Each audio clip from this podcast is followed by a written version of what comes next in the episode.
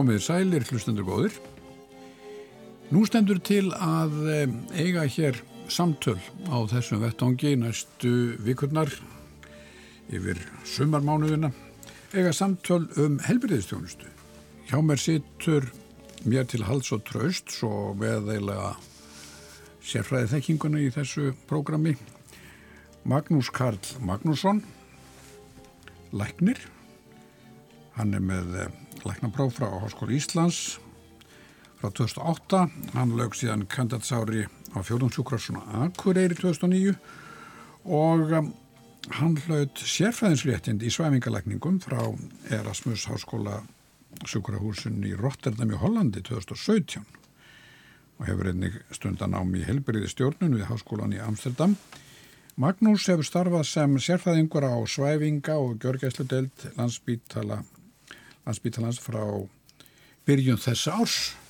Og um, ég segi nú bara verður velkominna í þetta starf svona við hljónumann Magnús. Takk fyrir það. Takk fyrir það Ævar. Já, í þessum þáttum er ætlunum að ræða heilbíðstjónustu í sem víðustum skilningi. Hér eru að ferja inn í málum sem margir hafa skoðanir á en kannski ekki oft sem heilbíðismál eru rætt ofinbellega á þess að einstakka mál verði fyrirferða mikil Við höfum í sjálf og sér meiri áhuga að ræða þessi mál almennt og þá helst án upprópana. Til þess ætlum við að fá til okkar ímsa aðila sem að tengjast heilbíðistjónustu. Gert er ráð fyrir að viðmannundur hafi haft tíma og rárum til undirbúnings. Þannig getur það raukstuðt svör sín og vonandi útskipt fyrir hlustundum, stefnun og ströyma á sínu fræðasviði.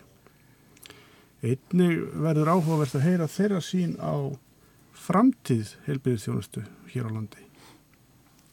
Það fyrir vel á því að fyrsti gestur okkar er Alma Möller, landlæknir. Alma er með sérfræði viðkenningu og doktorskráði í svæfinga og gjörgæsleikningum, meistraraprófi stjórnun, heilbyrðistjónustu og líðhelsu og sérfræði viðkenningu í heilbyrðistjórnun.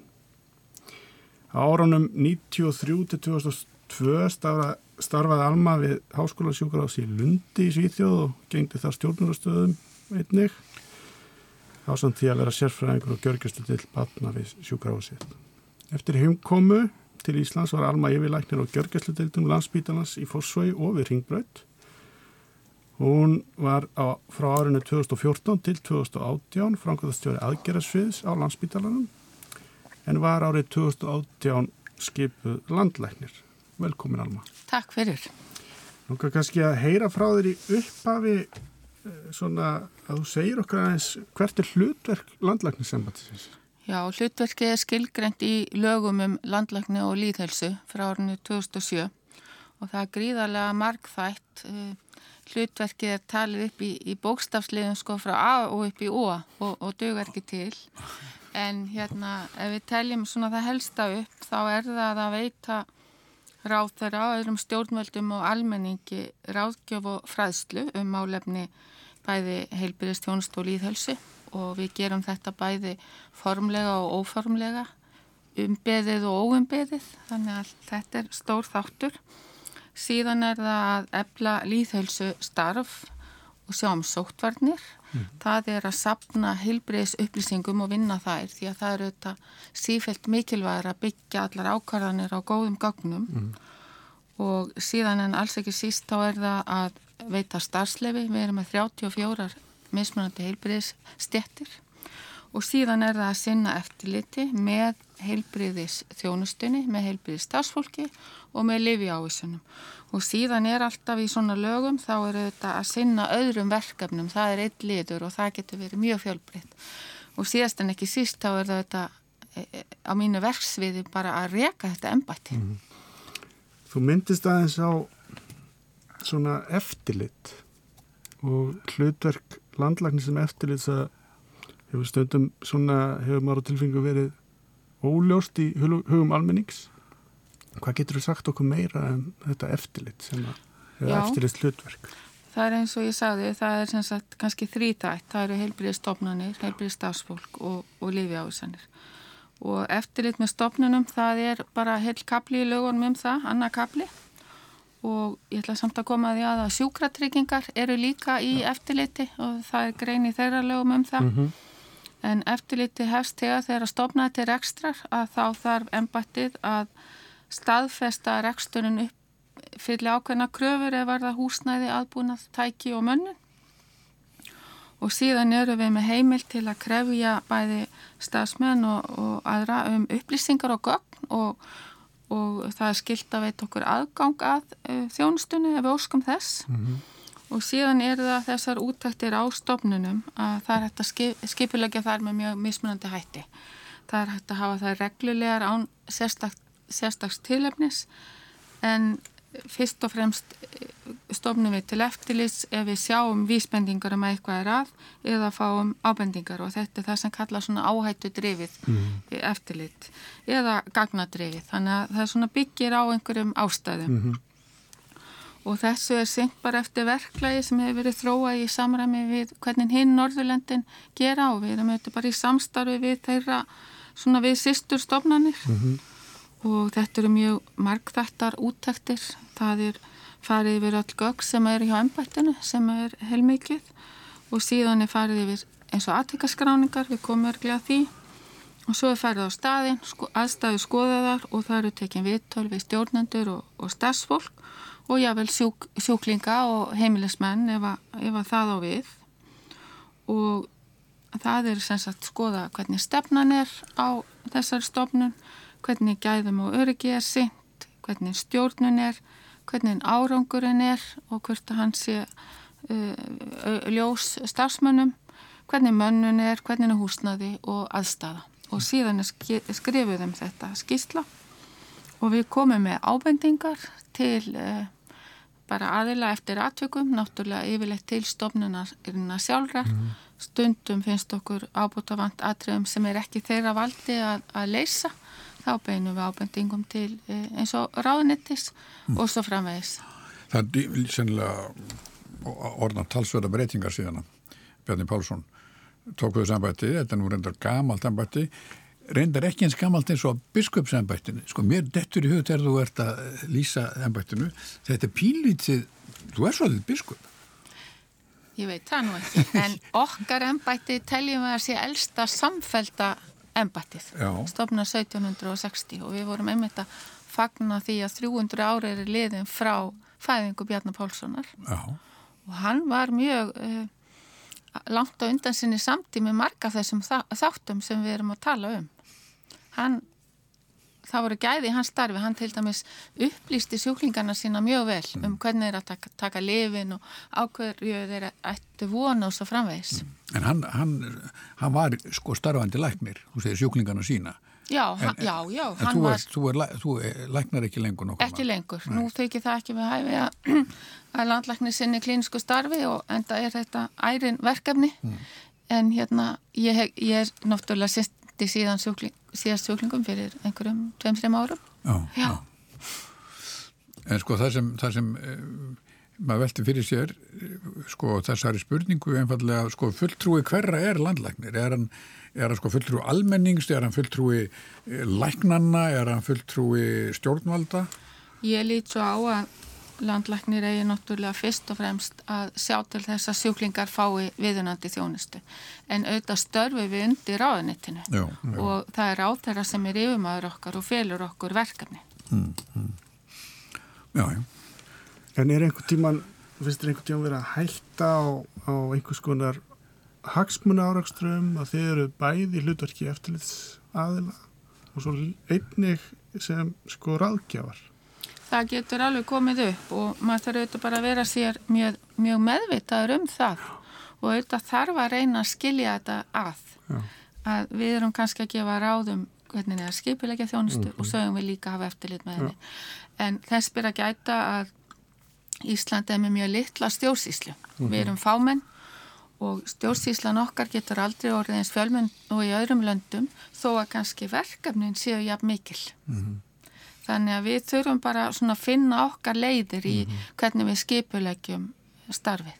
Þurftu þessi samvinna að vera meiri við erlendar stofnanir? Þurftu að vera, að því að maður, maður hefur á tilfringuna stundum síðan návið hérna á Íslandi svona, svo mikið að það er erfitt að fara inn og segja að þetta þarf að vera svona og svona þess að við getum alveg gert það, við getum fengið til dæmis utanakomandi og þess vegna ellenda aðila til að taka eitthvað út hjá okkur og ráleika okkur mm. og við höfum alveg gert það, við höfum alveg fengið óhafa aðila til að vinna verkefni fyrir ennbættið. Mm. En þannig að þeir hafi líka einhver svona, einhver völd til þess að breyta einhverju raunverulega í staðan fyrir að vera leiðbeinandi, að segja bara þetta þarf að vera svona? Ég held að það verður nú ekki hægt Nei. að veita þannig aðilum einhverju völd og ennbættið hefur til dæmis ekki mikil völd en við erum ráðgjafi Já. og höfum vikt á því sviði. Já. En ég veldi stundum fyrir mig að þú segir að þið hafi lítil völd, sko, ef að mikið er að Já. innan heilbyrðistofna, get, hefur þá landlæknir völd eða áhrif eða einhvers konar leið til að grýpa inn í? Já, ef þetta er stopnun, við komum kannski að því hvernig við eftirlit með, með einstaklingum er, en ef þetta er stopnun, við þetta beinum tilmælum til stopnunar og og, og ef þetta er ekki mjög alvarlegt þá þetta gefur við færa á því að laga og mm -hmm. langoftast er það ju gert. En ef að svo er ekki þá uh, tölum við við ráð þeirra og það er hans sem getur gripið til úrraða eins og að loka stofnum mm. og það hefur verið gert uh, fyrir ekki svo mörgum ára mm. Þannig að ráð þeirra sem að, sem að framfylgir í rauninni já, já En svo er það aftur, við höfum náttúrulega meiri völd til að kemur að eftirliti með einstaklingum. Og það eru sömulegis að við fáum vísbendingar eða ábendingar um að eitthvað er að. Og þá höfum við nokkur, nokkur á, við byrjum almennt á því að kalla við komandi til viðtals. Að það eru alltaf gott að hafa báða hliðar. Mm -hmm. síðan getur við þar beint tilmælum til einstaklinga um að, um að bæta eitthvað eða breyta einhverju ef það er ekki gert þá getur við ámynd loks getur við uh, dreyið tilbaka starfslefi, tímaböndið eða, eða varanlega og við getum líka þetta hérna uh, dreyiðin rétt einstaklega eða lækna til ávísalifi mm. og síðan eru við þá oft í samstarfi við heilbríðastafsmenn, þetta eru þetta mjög margar heilbríðastjættir eins og ég nefndi á þann mm -hmm. Um til dæmis ef að, að heilbríðastafsmenn þarf að leita sér meðferðar eða að fara í einhverja endurhæfingu eða slíkt mm. þannig að hérna þessi mál eru öll, það er enginn tvei mál eins og hérna eins svona við vinnum þau svipað mm. og þetta gætu við að, að reglum stjórnsíslunar um meðalhóf og, og allt slíkt Þú myndist á fjölda svona starfsgreina sem að, sem að eftir, ennbætti hefur eftirlit með hvernig skilgreinir embættið heilbríðistjónustu eru þá allar þessar starfstettir undir heilbríðistjónustu að veita einhvers konar því að nú er oft talað um alls konar starfstettir sem er verið að lækna og líkna og hvar, hvar er þessi hvar liggur, hvar liggja mörkin?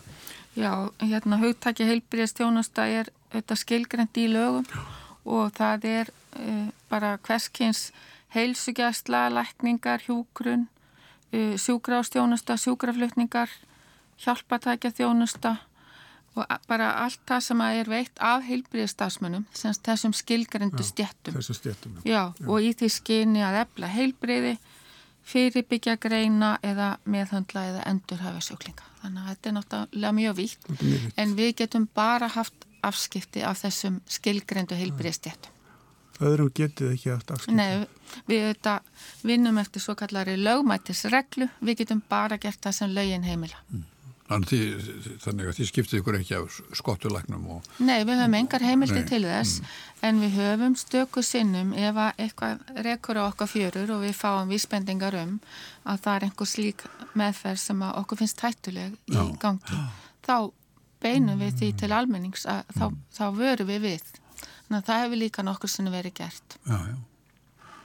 já þannig að, já, það er aðtilsvært sko að, að þarna, þarna í rauninni er nær eh, ráðgjafar hlutverki til almennings þar sé að þá er, þá er, þá, þá er landlæknin farin að vara fólk við hjálpa fólki að, að sjá svona hvað sé nú vísindilegt hvað ekki. Já, mm. þannig að hérna, og það er í rauninni það eina sem við getum gert í sambandi við þessar óhefbundu bundnu lækningar. Já, já. Það eru sérstök lögum, það er sem heita lögum græðara og það er, sem sagt, ég held að mætti skerpa á þeim lögum varandi eftirlit.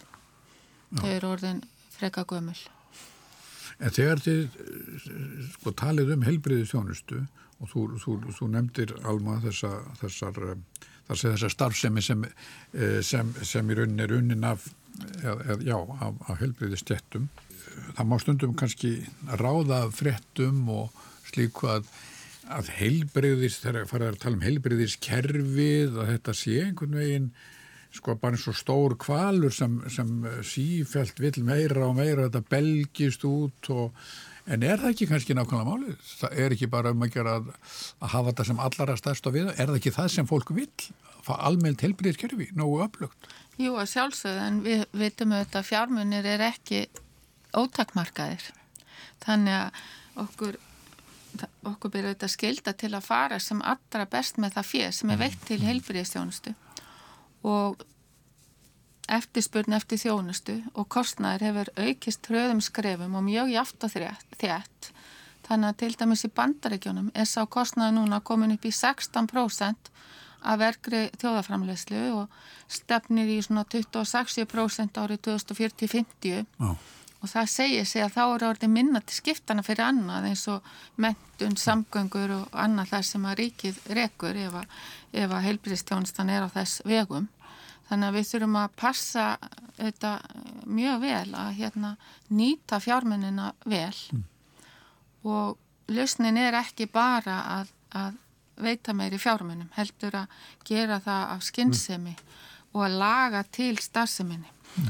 og til dæmis OECD gefur út uh, skýrslokkar í einust ári sem heitir Health at a Glance og núna í skýrslunni er að sem kom út bara núna í lok síðastliðins árs þá bendar á það að það er hægt að fara betur með alltaf 20% fjármuna sem veitir til heilbreyðstjónustu. Það er þetta gríðarlega mikill og er, þeir benda á tvent, það eru þetta mjög margt sem þarf að er hægt að laga betur. Þeir benda á það þegar sjúklingar er ekki meðhandlaður á rétt þjónustustígi. En svo við sjáum núna að það eru sjúklingar sem er að býða eftir hjógrana þjónustu sem eru inn á landsbytala í dýrasta úræðinu. Mm og þeir benda líka á uh, livjakostnað og hvernig væri hægt að hérna strömlínulaga livjanótkun. Þannig að það eru sem betur fyrir sóknafæri. Já. Þetta geti ég tala um í allanda. Hvernig hérna við getum, eða hvernig Já. ég myndi vilja sjá að við færum vel með fjármunni og þá... Já, en, en, en hvað hvernig kemur landlagnir inn í fjármál? Það er sem, maður veit að ráð þeirra hefur áhugjara af þessu eða hann, mm. hann, hann er að vil fá í, í, í að sína kaukusnæðið aftur stóra í fjárlánu ríkisins en er landlagnir hefur hann einhverja fjárhalslega ábyrg?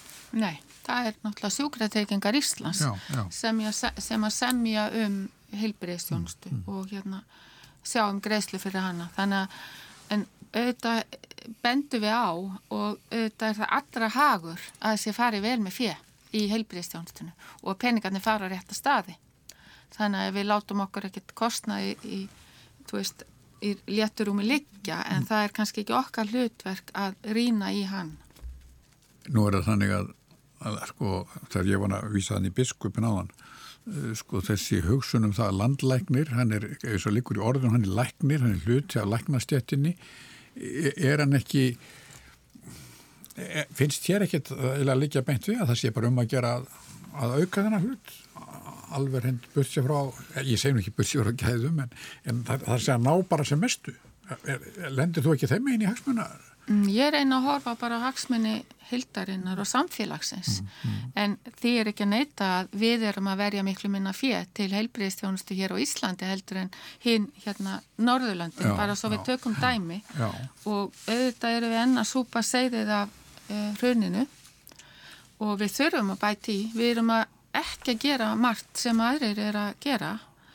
Þannig að hérna, við þurfum að setja meiri fjármenn inn í gerfið við þurfum að gera það bara jáft og þétt og út frá okkurna verkefnum, mm. skiljiði, ekki bara að setja inn peningana, við vitum alveg að við þurfum að efla þjónustu við aldraðra og við þurfum að bæti geðhelbriðismálinn og svo framvegis, þannig að hérna það þetta þarf að vera bara mjög svona yfirvegað, mm. hvernig við setjum aukum fjármunnin inn í kerfið. Við þurfum auðvitað stórabla mönnun, við vitum það og það auðvitað kemur til með að kosta eitthvað. Mm. Ég veldi aðeins fyrir mér að því að Við vorum, vorum að tala um eftirlit á hann og þú myndist að þessar fjármunni sem koma alltaf mjög oft upp, mjög oft sem byrjaði að tala um fjármunni þegar það kemur að helbriðismálum. En til dæmis, hver er eftirlitsaðli ef, ef við sjáum eða vitum til að þessi verið að sóa fjö í rannsóknir, í meðhundlun og svo framvegis, hver grýpur þarna inni? Er það landlæknir, eða er einhver dæmi um það að landlæknir grýpi inn í slíkt? Eh, landlæknir hefur bent á ef að honum finnst eh, verið að sóa fjármunum. Það til dæmis var byrt skísla í, fyrir tveim árum um, um, um hvernig verið er að nota ákveðna skurðaðgerir og hvernig þær eru markvallt meiri hér en í nákvæmlega löndunum mm -hmm. en það eru sjúkratryggingar sem að eiga að hafa eftirlit með því að gæði séu í samræmi við samninga. Mm. Þannig að það er kannski meira þar. Já, þannig að þið í rauninni þá er það ráðherransvæntalega eða sjúkratrygginga að fara eftir því sem að, sem að landlæknir er að leggja til en þið hafið engin sérstök úrræði í sjálfur sér önnur en að, en að Nei, benda á það. bara benda á það, já, og gefa ráð. Mm. Þetta dæmi sem oft er tekið og við komum kannski til með að ræða við, við, við Pál Mattiasson en, en sko þetta með sem virkar bara eins og fáranleiki að dýrasta húsnæði, dýrasta úrræði sé nýtt til, til gemsla á gamle fólki sem gæti verið þess vegna til til ósérhæðu húsnæði sko er þetta bara pólitík, sko það, það er enginn sem getur sagt, heyrðu, hvaða ruggl er þetta? Jú, við erum búin að segja það það, það, það, það dýr ekki til Jú, jú, ég held að menn skilja þetta alveg mm. en e, ég var búin að nefna hérna efnaðaströðnið, þetta hægði á öllu og það hægði mjög á uppbyggingu hjókraðaríma mm. og við erum líka ekki að sinna nógu vel heimaþjónustu við aldraða mm.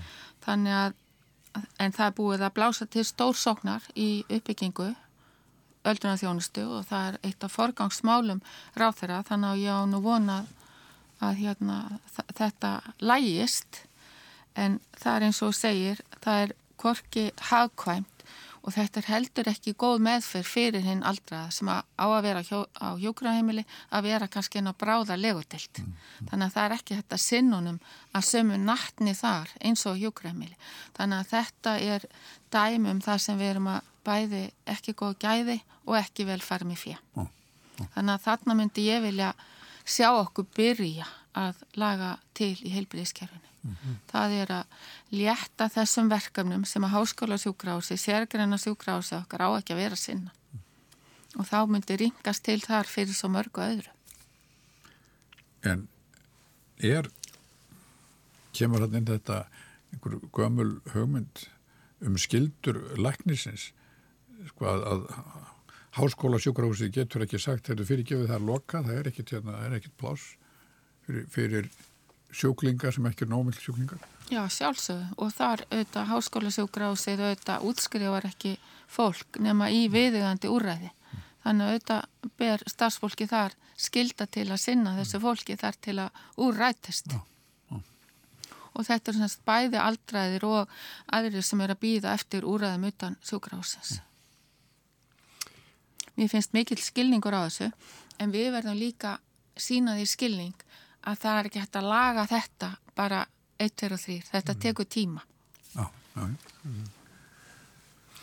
Það er orðsynda sem hefur ég held að öll okkar hafi notaði hér við þetta borð um, sem er gæði og ég veldi mikið fyrir mér að við, við teljum okkur á stundum vera með mjög góða þjónustu eða gott helbriðiskerfi en hvað vitum við raunverulega um gæði helbriðistjónust á Íslandi? Uh, og þá erum við ekki endilega að tala um þessar breytur sem við notum til þess að nota í sko líðhelsu hendur sko þá erum við að tala meira um helbriðistjónustuna sjálfa. Af því að það er náttúrulega mikilvægt að fólk hafi þakkuður höfuðið og hafi reynd vatn og svo framvegs og framvegs en hvað vitum við um helbriðisjónustuna? Já, ég myndi nú bara vilja byrja á því að skilgreina hvað gæði eru því að ég held að eh, við verðum að tala sama tungmáli og ég held að fólk kannski gerir sér ekkert alltaf grein fyrir því. En gæði heilbriðstjónustu eru skilgrendi í reglugjærð og það er sem sagt bara allt það sem eigur líkur á bættri heilsu og auknum livsgæðum og gæðum er gæðna skipt í sex flokka. Það er öryggi, það er náttúrulega sjúklingur hljóti ekki skada af meðferðinni. Það er rétt tímasetning að hann fái meðferð sem er á ásættanlegum innan ásættanlegs tímarama. Það er að þjónustansi árangusrík þannig að hún skili heilsu fyrir sjúklingin það er hún sér skilvirk þannig að við sem að nýta allar þessar bjargir eins og peninga og mannabla og tæki vel. Það er að þjónustan sem byrða jafnrétti og jafnræði. Allir eiga að njóta sömu þjónustu og hafa sama rétt og síðan er það hún sér notenda með þau þannig að við tökum tillit til uh, óska sjóklingana og hvað vitum við um gæði spyrðu? Við vitum ímislegt en ekki nógu mikið. Og við erum algjörlega meðvituð um það að við erum ekki að skrá eins mikið í gæðum eins og nágrannlöndin og á þetta var til dæmis e, bent í skýslu frá ellendur ágjáfa fyrirtæki McKinsey árið 2016 eða mann rétt. Mm. Og þannig að gæðum og e, það, það er ekki nógu gegnsægi hjá okkur en við erum að blása til sóknar þar og við getum kannski komið að því en það sem við vitum er að við erum með framúrskarandi árangur á mjög mörgum sviðum. Ég get nefnt ungbarn á mæradauða sem er eins og best gerist í heiminum. Við erum með mjög góðan árangur við meðferð vissra krabbameina. Við erum með góðan árangur við meðferð uh, kransastýblu, bara svo ég takki dæmi. Og ég gerði sjálf gæða aðtóðan þegar ég var yfirleiknir og gergeslu mm -hmm. og fann út að við vorum með gæða á mörgum sviðum, bara eins og best gerist. En við þurfum að bæta okkur og hérna Ég held kannski að við vitum mikið um gæðin í bráðameðferð og þar geti vísa til dæmis í, í skýslu sem að heitir Healthcare Access and Quality Index og þar var semst teknir út um, 32 sjúkdómaflokkar. Þar sem undir að koma í vekk fyrir andlát ef var góð heilbríðstjónusta mm. og hver heldur nú Ísland hafi lendt af 195 löndum? Ég, ég þor ekki að ég, ég fyrst þú spyrir svona þá, þá, þá ég myndi nú bara svona segja einhvern veginn kringum miðuna Við lendum nummer eitt. Og greið, þetta byrt í mjög virtu vísenda tímariti en hérna ég held að við séum góði bara að þjónstu og það hjálpar okkur smæðin og stuttu bóðleirnar og allt það. Mm -hmm. en ég held að skorti meira á svona samfellu og, og slikt í, í þjónstunni hjá okkur. En við þurfum að, að skrá miklu meiri um gæði. Og það er gaman að segja frá því að við byrtum núna í desember síðastlinum áætlinum gæðaþróunni heilbyrðistjónstu fram til ásins 2030 Já. og þetta er gert í samræmi við lögum landlækni 11. grein en hefur ekki verið gert fyrir nú og þetta er plagg sem er áreitað af heilbyrðisráður sem gefur því ákveðna vikt mm. og það er bara beinleginn sagt að heilbyrðistofnan er eiga að fara eftir þessu og á ég að segja ykkur um hvað þetta snýst þessi gæðar. Þetta er sem sagt skiptist í fjóra þætti. Það er í fyrsta lagi að hver einasta stofnun eða eining sem sinnir heilbríðstjónstu, hún hafi stjórnskipulag til þess að bæta gæði og vera með þetta sem við kallum stöðugar umbætur. Síðan að skrá svo kallega gæðavísa og það er með þetta sem að McKinsey skíslan benda á að erum ekki nógu döglega að skrá gæðavísa mm. og við erum búin að skilgreina annars vegar landskeiðavísa sem er, eiga þá að vera sambærilegir milli sambærilega stofnana. Þannig að til landsbítali og sjúkrása akkur eru verða, með sömu gæðavísa, hjúkrunaheimilin, önnur, sjálfstæðstarfandi og svo framvegis. Mm. Og síðan eru líka bara valgæðavísar sem að hver stofnun geta valið út frá sinni stafsemi. Og þetta sem sagt, síðan er það í þriðalagi atvik, atvikaskráning, atvik er þegar eitthvað fyrir úrskeiðis, það er mjög mikilvægt að skrá það og vinna úr því til að hindra gerist aftur. Þetta er svona líkill í geðastarfi og við erum nú búin að kaupa núna samræmt atvikaskráningakerfi fyrir bara all, all landið og miðin mm. og erum að prófa það og erum, verðum með fjóra stofnani núna að prófa það, svo er þetta bara innleitt yfir landið allt og síðast en alls ekki síst þá er það þjónustu kannanir til að kanna viðþorf notendana já. því að þeir geta haft aðra skoðunar á því mm. hvað er gæði og hvernig þjónstuna á að vera heldur en við já, já. og við ætlum líka að reyna að fá eh, kaupa semst miðlatt kerfi sem að allir geta fengið aðgangað. Þannig að hér eru fjóri þættir og þetta á hverja einasta stofnun að gera grein fyrir svo kallir gæða uppgjöri, senda okkur og þetta veri byrt. Þannig að þetta er bara fyrsta skrefi núna, við erum að fara út um alland og í, í stofnanir og kynna þessa áallin og síðan byrjum við að kalla eftir þessi gæða uppgjöri þegar á næsta ári. Og þá verðum við að vera svolítið þólimóð því að þetta bara tekur mjög langan tíma að byggja upp.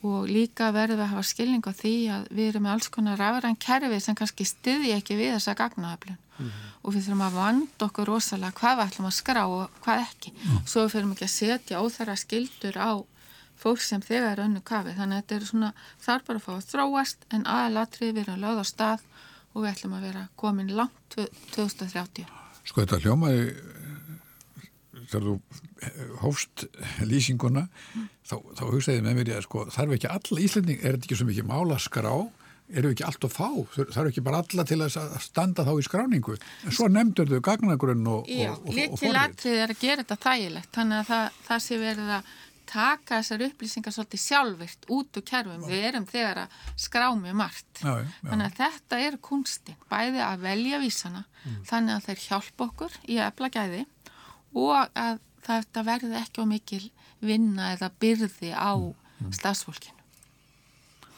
Vitum við í sjálfu sér eitthvað, nú er, nú er náttúrulega búið að skoða það erlendis, hvað, hvað erlendir sjúklingar eða, eða skjólstæðingar vilja út úr helbiðistjónustu, en hefur verið skoðað sérstaklega hvað íslenskir eða íslendingar vilja fá út úr helbiðistjónustu. Já, það hafa þetta verið gerðar þjónustakannanir og hérna ég held að okkar sjúklingar sé ekkert öðruvísi en aðrir. Þeir vilja þetta góða þjónustu sem að, sem að gagnast þeim og þeir vilja, vilja ekki þurfa að býða eftir henni og þeir vil, nema bara þetta einan uh, ásættanlegan tíma mm -hmm. og þeir vilja þetta hún sé örug og svo held ég að þeir, þeim sé mjög áfram um að samskiptin séu góð bæði við heilbyrðistafsfólki sem er að sinna þeim og svo milli mismunandi eininga. Mm -hmm. Þannig að þetta held ég að, að sjúklingar vilja hér eins og annar stað. Mm -hmm. Þannig að þeir vilja bara einfalda þjónustu sem er góða gæðum. Þetta er allt þessi þættir sem ég var að nefna um mm -hmm. og svo held ég líka að þeir vilja vera þáttakendur en við þurfum að efla það held ég að sjúklingarnir séu meiri þáttakendur í eigin meðferð.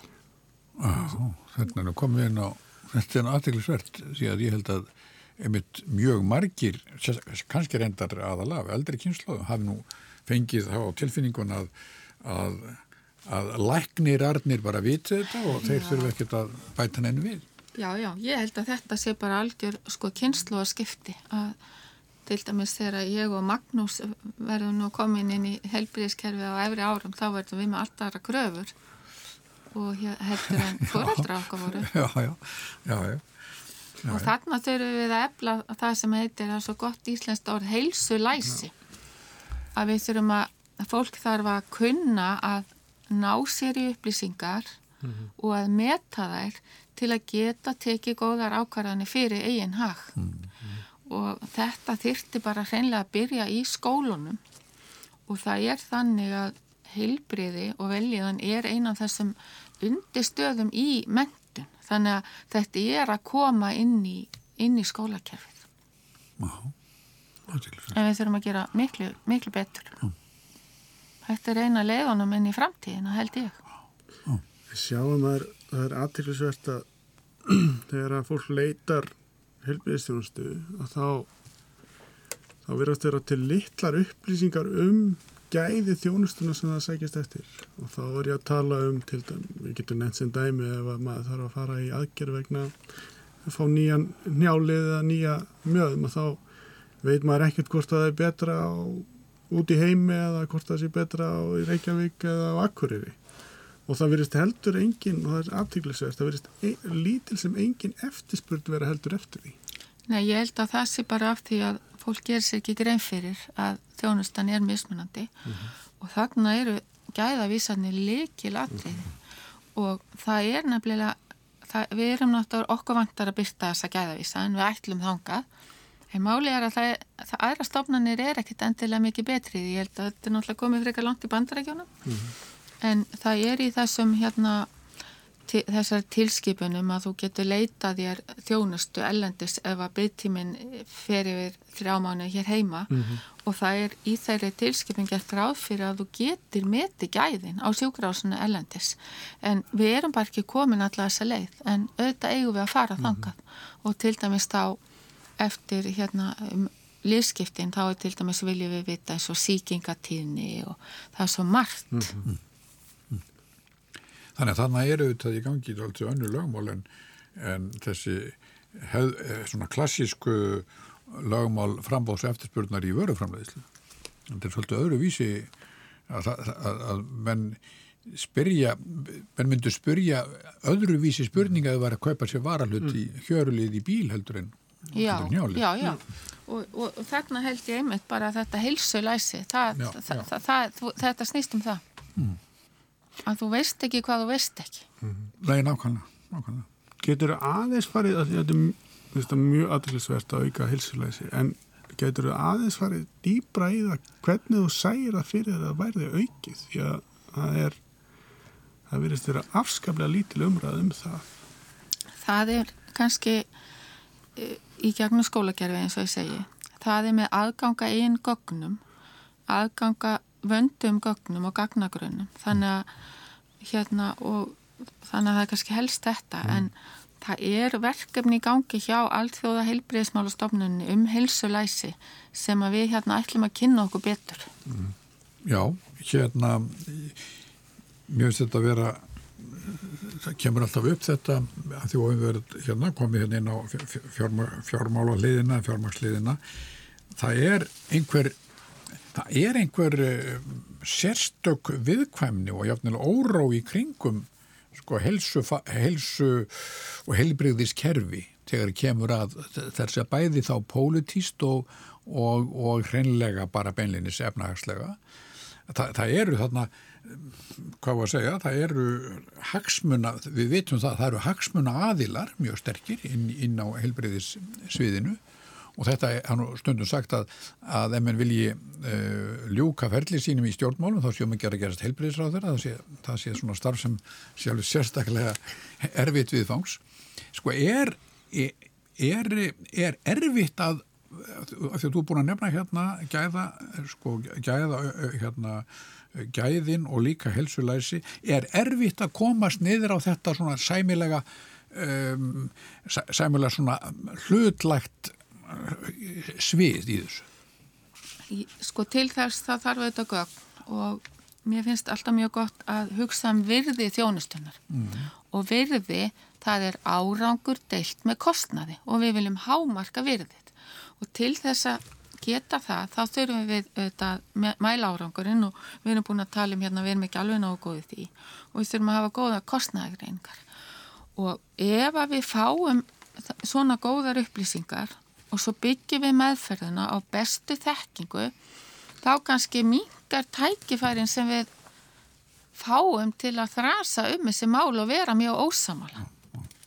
Þannig að, að svona í, í næstu framtíð þá sér það fyrir þér að þetta verði þetta verði í rauninni það sem kannski ræður úrslutum um það hvort okkur tekst að, að, að fá betri helbriðistjónustu og á þessum kannski takki Já, þetta er eitt af því, það, það er auðvitað mjög margt en svo er auðvitað líka að hérna þó að það sé ekki á mínu borði þessi greiðslu kerfi heilbríðstjónustu að þau þurfu þetta stiðja við stefnuna mm, og mm, mm. hérna setja fólk í forgrunn og samfellu og, og það að þjónusta sé á réttu þjónustustígi og gæði sé mikil, það er hægt að tengja fjármögnun til dæmis við gæði að þú verður að standa skila gæðum og þú verður að vinna eftir ákveðnum eh, forskriftum og leiðbenningum til að, hérna, að það kemur inn í fjármögnuna og auðvitað þurfum við líka að fara þangað. Mm. Við höfum verið kannski með uh, vestu fjármögnuna líkunin hér, annars vegar först fjárlög fyrir sjúgrásin og það er bara hérna hvetur ekkert til aukinn afkasta og, og hérna þú, þú getur enga björg veitt ef að verkefnin eru meiri en þú færð mm. hérna, peninga fyrir og, og svo er það hins vegar greitt fyrir viðvík, kallað einsku fee for service sem er bara afkastakvetjandi en tekur ekki til eitt í gæða Þannig að við þurfum að fara frá þessu og yfir í það sem er kallað framlegslu tengt fjármögnun eða DRG fyrir sjúkrásinn og svo erum við búin að stiga góðskref í, í fjármögnun heilsugjastlunar. Það sem er, er tekið með af þjónustu þarf og sjúkdómabyrði íbúana og gæða við með koma líka inn. Þannig að mm -hmm. þetta er bara, þetta er vekkferð sem við erum á. Mm -hmm. Og að því hún nefndir heilbreyðsráðara þá erum við með mjög duglegan heilbreyðsráðara núna sem að lætur hjólinn snúast. Þannig að því að þú ert nú farin að horfa svolítið til framtíðar, heyr ég. Þannig að þá langar mér kannski að heyra væri spennand að heyra frá þér uh, meira hvernig þú sérð heilbyrðistjónust á Íslandi eftir 10, jável 20 ár og hvað, hvað þér sínist vera helstu hindranir á þeirri vekkferð? Sko ef við byrjum það er náttúrulega gríðarlega margt sem við getum gert betur. Við erum nú samt með alveg ágættiskerfi en við getum það getur orðið ennþá betra og, og það er bara aftur þetta að huga meira virði þjónustunar, mm -hmm. semst árangur deilt með kostnaði. Það er líka þetta að setja þess að jöfnu sem gæði deilt með sóun, af því að við vorum aðeins búin að tala um sóun á það. Já, já.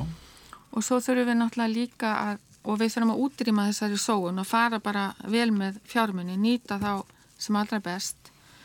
Það er líka þetta að gera sjúklingarna virkari þáttakandum og samt að allra mikilvægast að til lengri tíma litið það er að minga eftirspurna eftir heilbríðstjónd með því að ebla líðheilsu. Það er það allra mikilvægasta en ef við skiptum bara því sem við þurfum að gera til skemmri og lengri tíma, mm -hmm. til skemmri tíma þá þurfum við þetta mót okkur stefnu og fylgja henni mm -hmm. og við erum að því. Við þurfum að ebla mönnun, það er gríðarlega mikilvægt bæði til skemmri og lengri tíma og við þurfum að bæta þjónustu við aldraða á öllum vikstöðum. Við þurfum að efla heima þjónustu, heilsaðeflingu þeirra, mm. dagþjónustu og svo framvegis. Þannig að það er óbúslega margt og við þurfum að láta einingarna vinna miklu betur saman, samþætta betur þjónustuna og hafa hana samféltari. Ég heldur sem er mjög góður einingar við það en þar vinni ekki nógu vel saman. Síðan er þetta bara að efla eins og rafræna sjúkarskrá. Við erum með það hjá okkur, en bættið, kannski glemti ég að nefna það í upphafi, mjög stór málaflokkur og það er bara svo margt og að nýta heilbríðiskerfið á skynnsanlegan hátt. Þannig við séum þetta rétt á þjónustustig, við séum með korki með ofeða vannlækningar. Þetta er all líður í þess því að minga þessa sóun mm. sem ég talaði um. En þegar þú nefnir að, að, að það markmið að, að draga úr nöðsininni á heilbríðisjónustu. Já. En, en um leið segjur þau það þarf að auka mönnun. Er, er ekki einhver er ekki einhver ómöguleiki þannig þessu? Það er að segja að, að sko, á helbriðiskerfið að reyna að fá menn til þess að lifa svo helbriði lífi að það þurfi ekki að nota þjónustum Já, það er bara saminu verkefni það er verkefni okkar hjá ennbæð til landlagnis mm. að efla líðhölsu og síðan er það þetta líka hjá helbriðistjónustunni að grýpa fljótt inn í mm. ef að upp eru komin vandamál hjá einstaklingi og og gera honum kleift að, að hérna, ebla einn hilsu. Þannig að þetta er samanverkefni okkar allra og, og sam, bara hagu samfélagsins alls. Mm. Svo ég tala nú ekki um einstaklingin, hvað er mikil hafa fyrir hann auðvitað að bæta einn hilsu en það er bara gott fyrir heilbríðiskerfið og fyrir samfélagið allt. Mm. Og við verðum að reyna þetta. Man sér fyrir sér þetta það var nú held ég í Kína þetta perfektu lagnandir þeir átt að passa upp á að menn vektust ekki að viðskiptavinnir veiktust ekki. Það, það, var, það, það var þeirra lækning. Já, það er auðvitað vissanhátt eh, heilsu heimilslæknana já, að, já. að hérna, þekka sína sjúklinga og hjálpa þeim að taka ábyrðaðinn heilsu.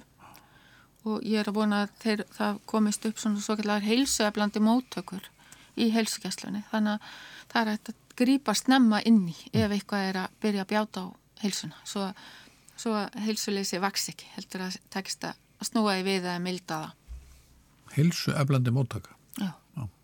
Hilsu efling eru að tala um. Það já, er að, að hérna, þú gerir það sem þú getur fyrir einn hilsu eins og sofa vel, hreyfa þig, borða rétt, hugsa um geðhilsuna, geðrækt, láta tópak eiga sig, forðast áfengi og svo framvegis. Þetta er gríðarlega mikilvægt og ef þú skoðar þátt heilbriðist þjónustu í ævilengt. Hva, hvað heldur að það sé í prósentum dalið? Er það helmingur eða hvað myndur það alltaf? Það eru 20%.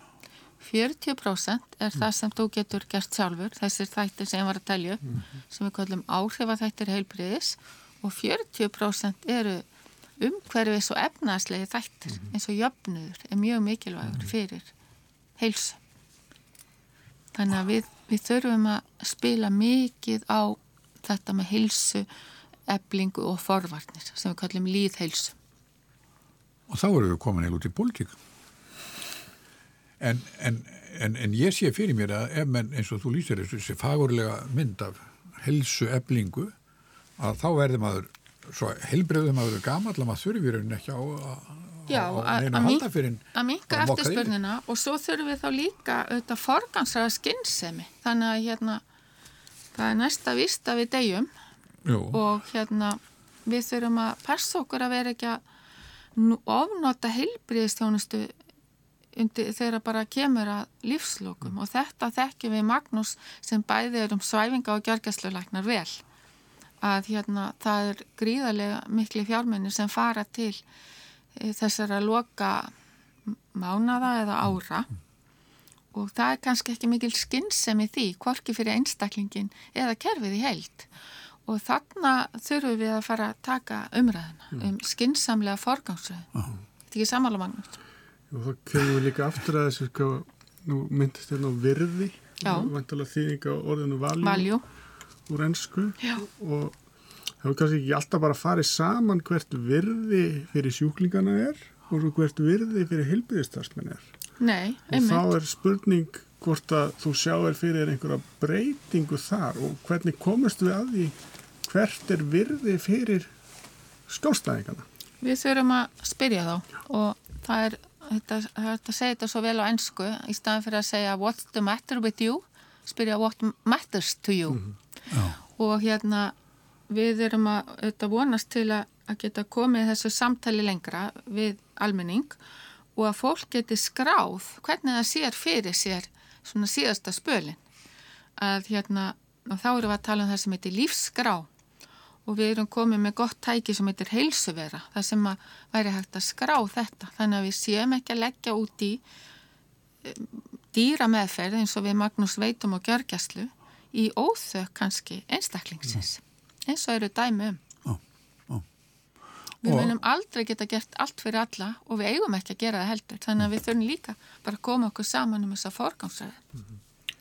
Þannig að ef maður vandar sig, drekkur lítið og reykir ekki og reyfur sig og, og jákvæður, Já. þá hefur maður möguleika því að deyja betur og hafkvæmur í mátahaldur. Já, ég myndi halda það. Mm.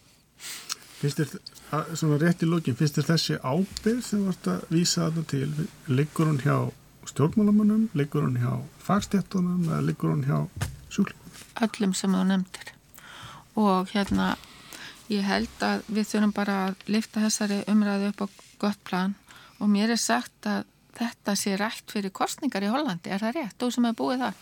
Engu tíman var svona umræða þar bara hjá stjórnmálamannum. Já. Já. Þannig að við þurfum öll, ég sé fyrir mér að ef við komum svona lífsgrá á að þá myndi myndast þetta góða tækjafæri til að uh, hefja þessa umræðu.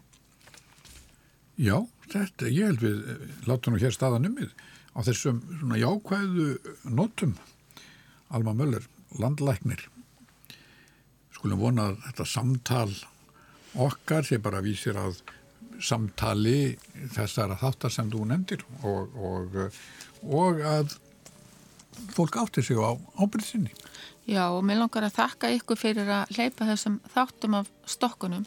Það er mjög mikilvægt einmitt að lifta umræðum heilbreyðismál svona upp á æðra plan og þetta mætti kalla þetta svona uppbyggjandi fréttamennsku sem er á móti æsi fréttamennsku og rannsóknar fréttamennsku því að nú erum við að tala saman í því skinni að komast að samkomiðlagi og finna lausnir.